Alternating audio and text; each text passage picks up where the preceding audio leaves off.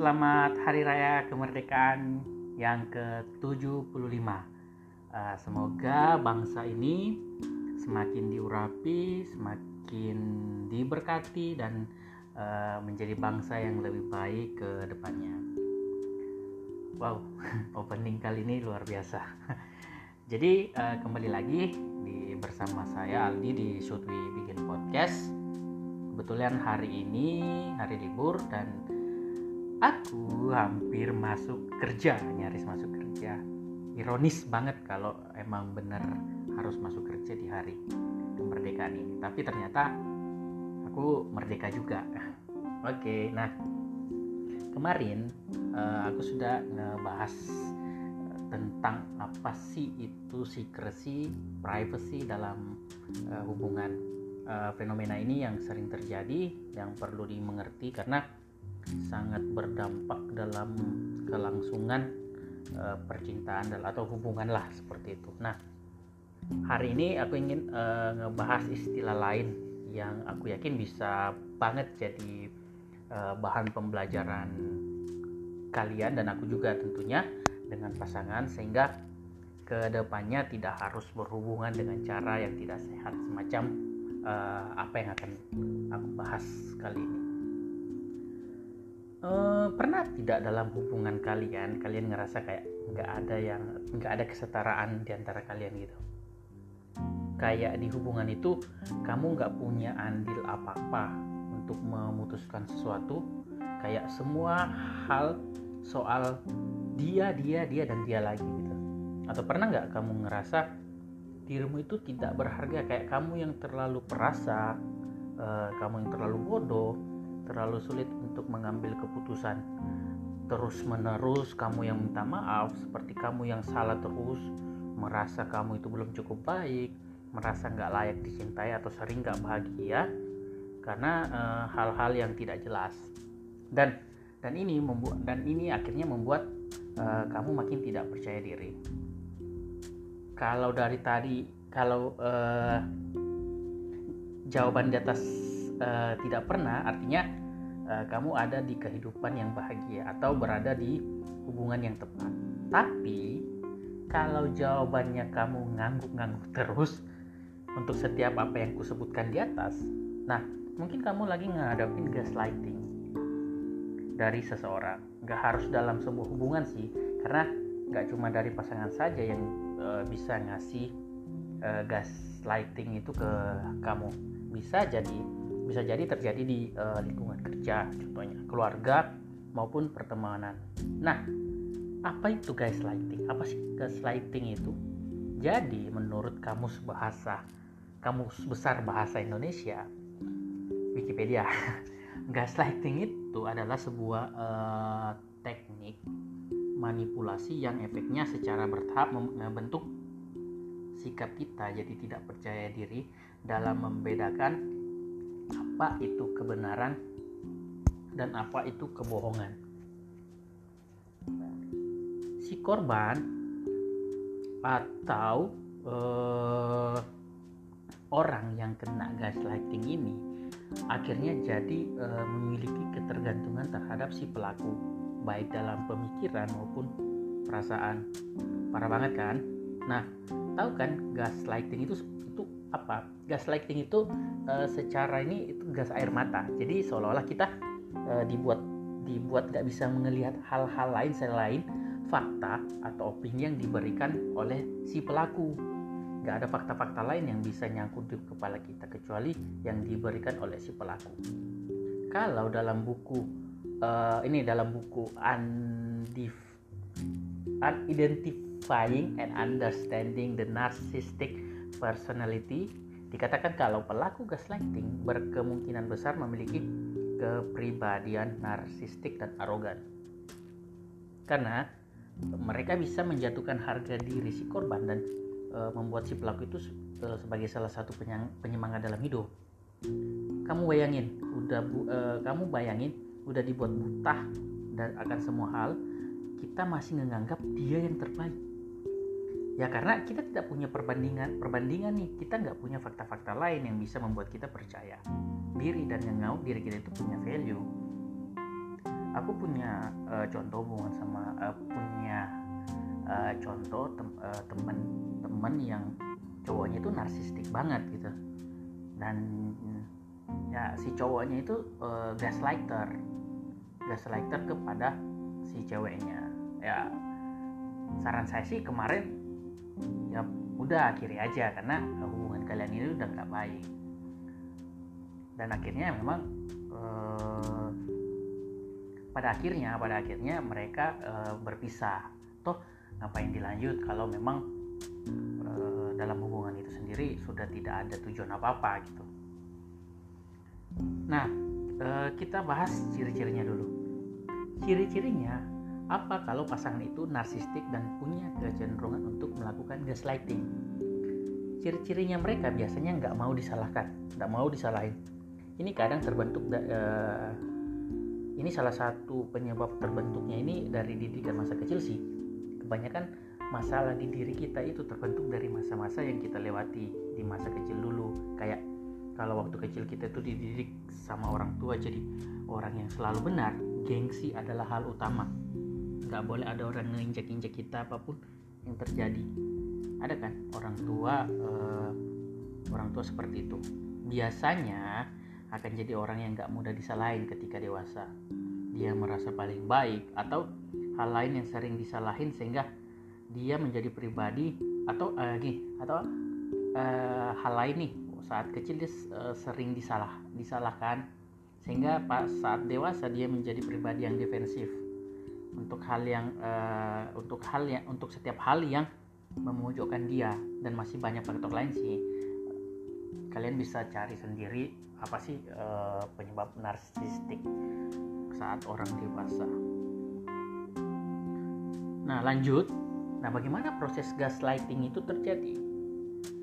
Ya tentu uh, terjadi itu dengan mengintimidasi, karena you know diper, diperlukan uh, kayak ada kepercayaan untuk memuluskan proses gaslighting ini, kayak kayak kebohongan-kebohongan itu nggak bakal kena. Misalnya kalau misalnya kamu nggak bisa ngebentuk suatu opini yang bisa dipercaya karena harus bisa dipertanggungjawabkan gitu.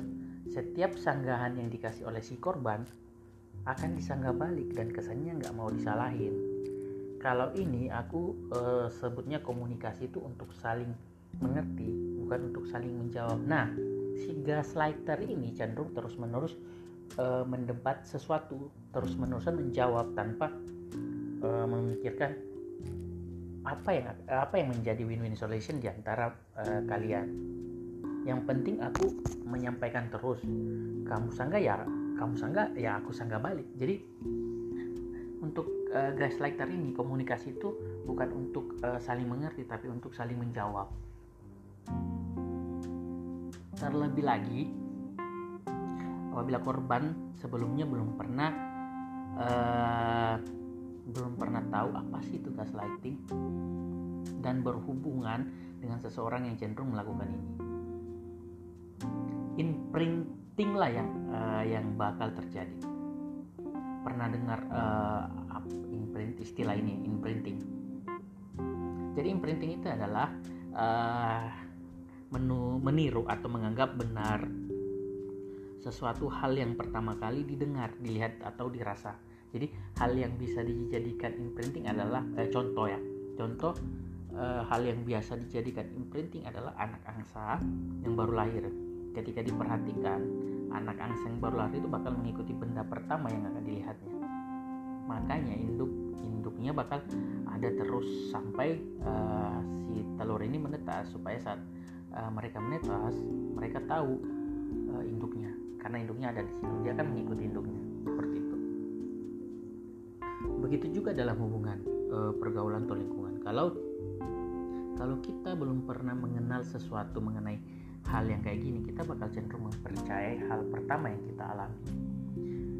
Kalau kita ngelantur dikit ya out of topic sedikit tapi masih masih masih dalam bahasan ini e, imprinting uh, begitu juga dengan konsep uh, agama ya. Kita kita ini seharusnya uh, memilih agama kita sendiri. Ketika kita cukup umur uh, supaya semua pilihan ada di tangan kita. Karena aku tahu agama yang diturunkan dari orang tua itu imprinting yang bisa bisa jadi tidak sesuai dengan keinginan kita. Jadi waktu aku punya kesadaran itu aku pelajari agama uh, aku belajar sendiri agama buat aku dan apa uh, agama itu apa? Dan akhirnya aku memutuskan berada di agama yang ku percaya sekarang.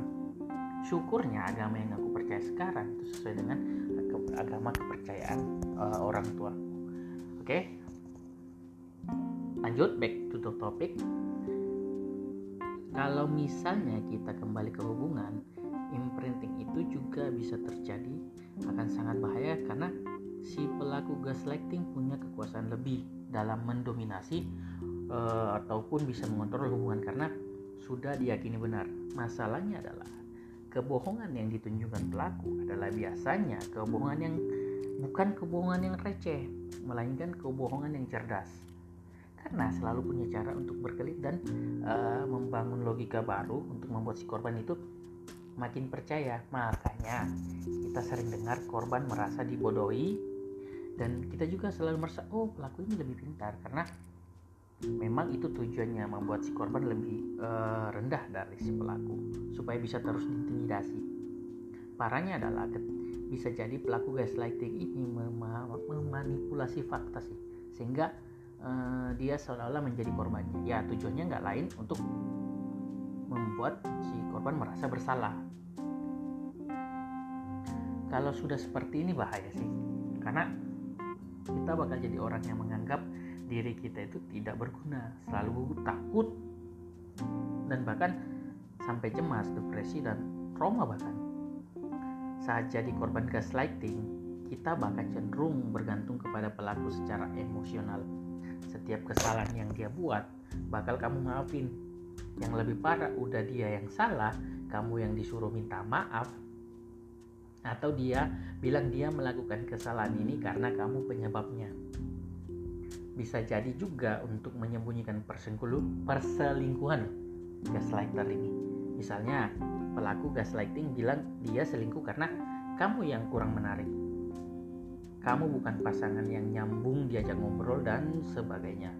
Padahal perselingkuhan biasanya terjadi karena ada yang belum selesai di dalam diri pelaku perselingkuhan itu terlepas dari usaha kita jadi baik dan menyenangkan dalam hubungan itu semua cuman e, bagaimana cara untuk menjauhi gejala gejala-gejala perselingkuhan. Tapi kemudian jika dia pada akhirnya tetap selingkuh setelah kita tetap jadi pasangan yang baik dan menyenangkan setelah itu kita menjaga e, sebisa mungkin keharmonisan hubungan kita udah pasti bukan salah korban lagi tapi uh, salah si pelaku perselingkuhan. Nah uh, terus gimana nih kalau kita ada di posisi ini? Dalam buku asik dalam aku pernah baca buku nih. Uh, cuman uh, sekilas sekilasnya ada dalam buku uh, gaslight effect effect ya gaslight effect. How to spot and survive the hidden manipulation others used to control your life disarankan untuk kita mengambil waktu sebentar untuk melanjutkan hubungan ini. Kita itu tidak bisa mengubah seseorang. Ingat, kita tidak bisa mengubah seseorang. Jadi, silakan ditelah lagi apakah melanjutkan hubungan dengan cara seperti itu adalah hal yang baik atau buruk untuk kebahagiaan masing-masing. Nah, kamu telah sendirilah. Baik atau buruk nih mungkin berat tapi berkali-kali kita setuju. Dan sudah beberapa kali juga dibahas di podcast sebelumnya kalau hubungan itu bukan cuma perasaan doang apalagi perasaan yang uh, yang sudah dimanipulasi. Kita sudah tidak boleh lagi percaya dengan hati di saat seperti ini.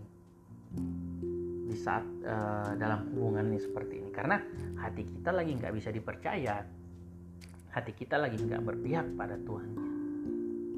Jadi, seandainya kamu ada di posisi ini, aku sih sangat menginginkan kamu uh, take a step back dan melihat apa yang sebenarnya terjadi. Lihat dari sudut pandang yang lebih luas. Masalahnya apa? kalau menurut uh, kamu masih bisa dikomunikasikan, dikomunikasikan aku uh, sarankan ada pihak ketiga yang yang jadi penengah di antara kalian. Silakan ke psikolog supaya bisa dapat saran dari profesional. So coba telah lagi. Pikirkan lagi matang-matang kehidupan kalian. Bagaimana? Karena eh, kalian semua tuh kalian dan aku juga tentunya berhak untuk bahagia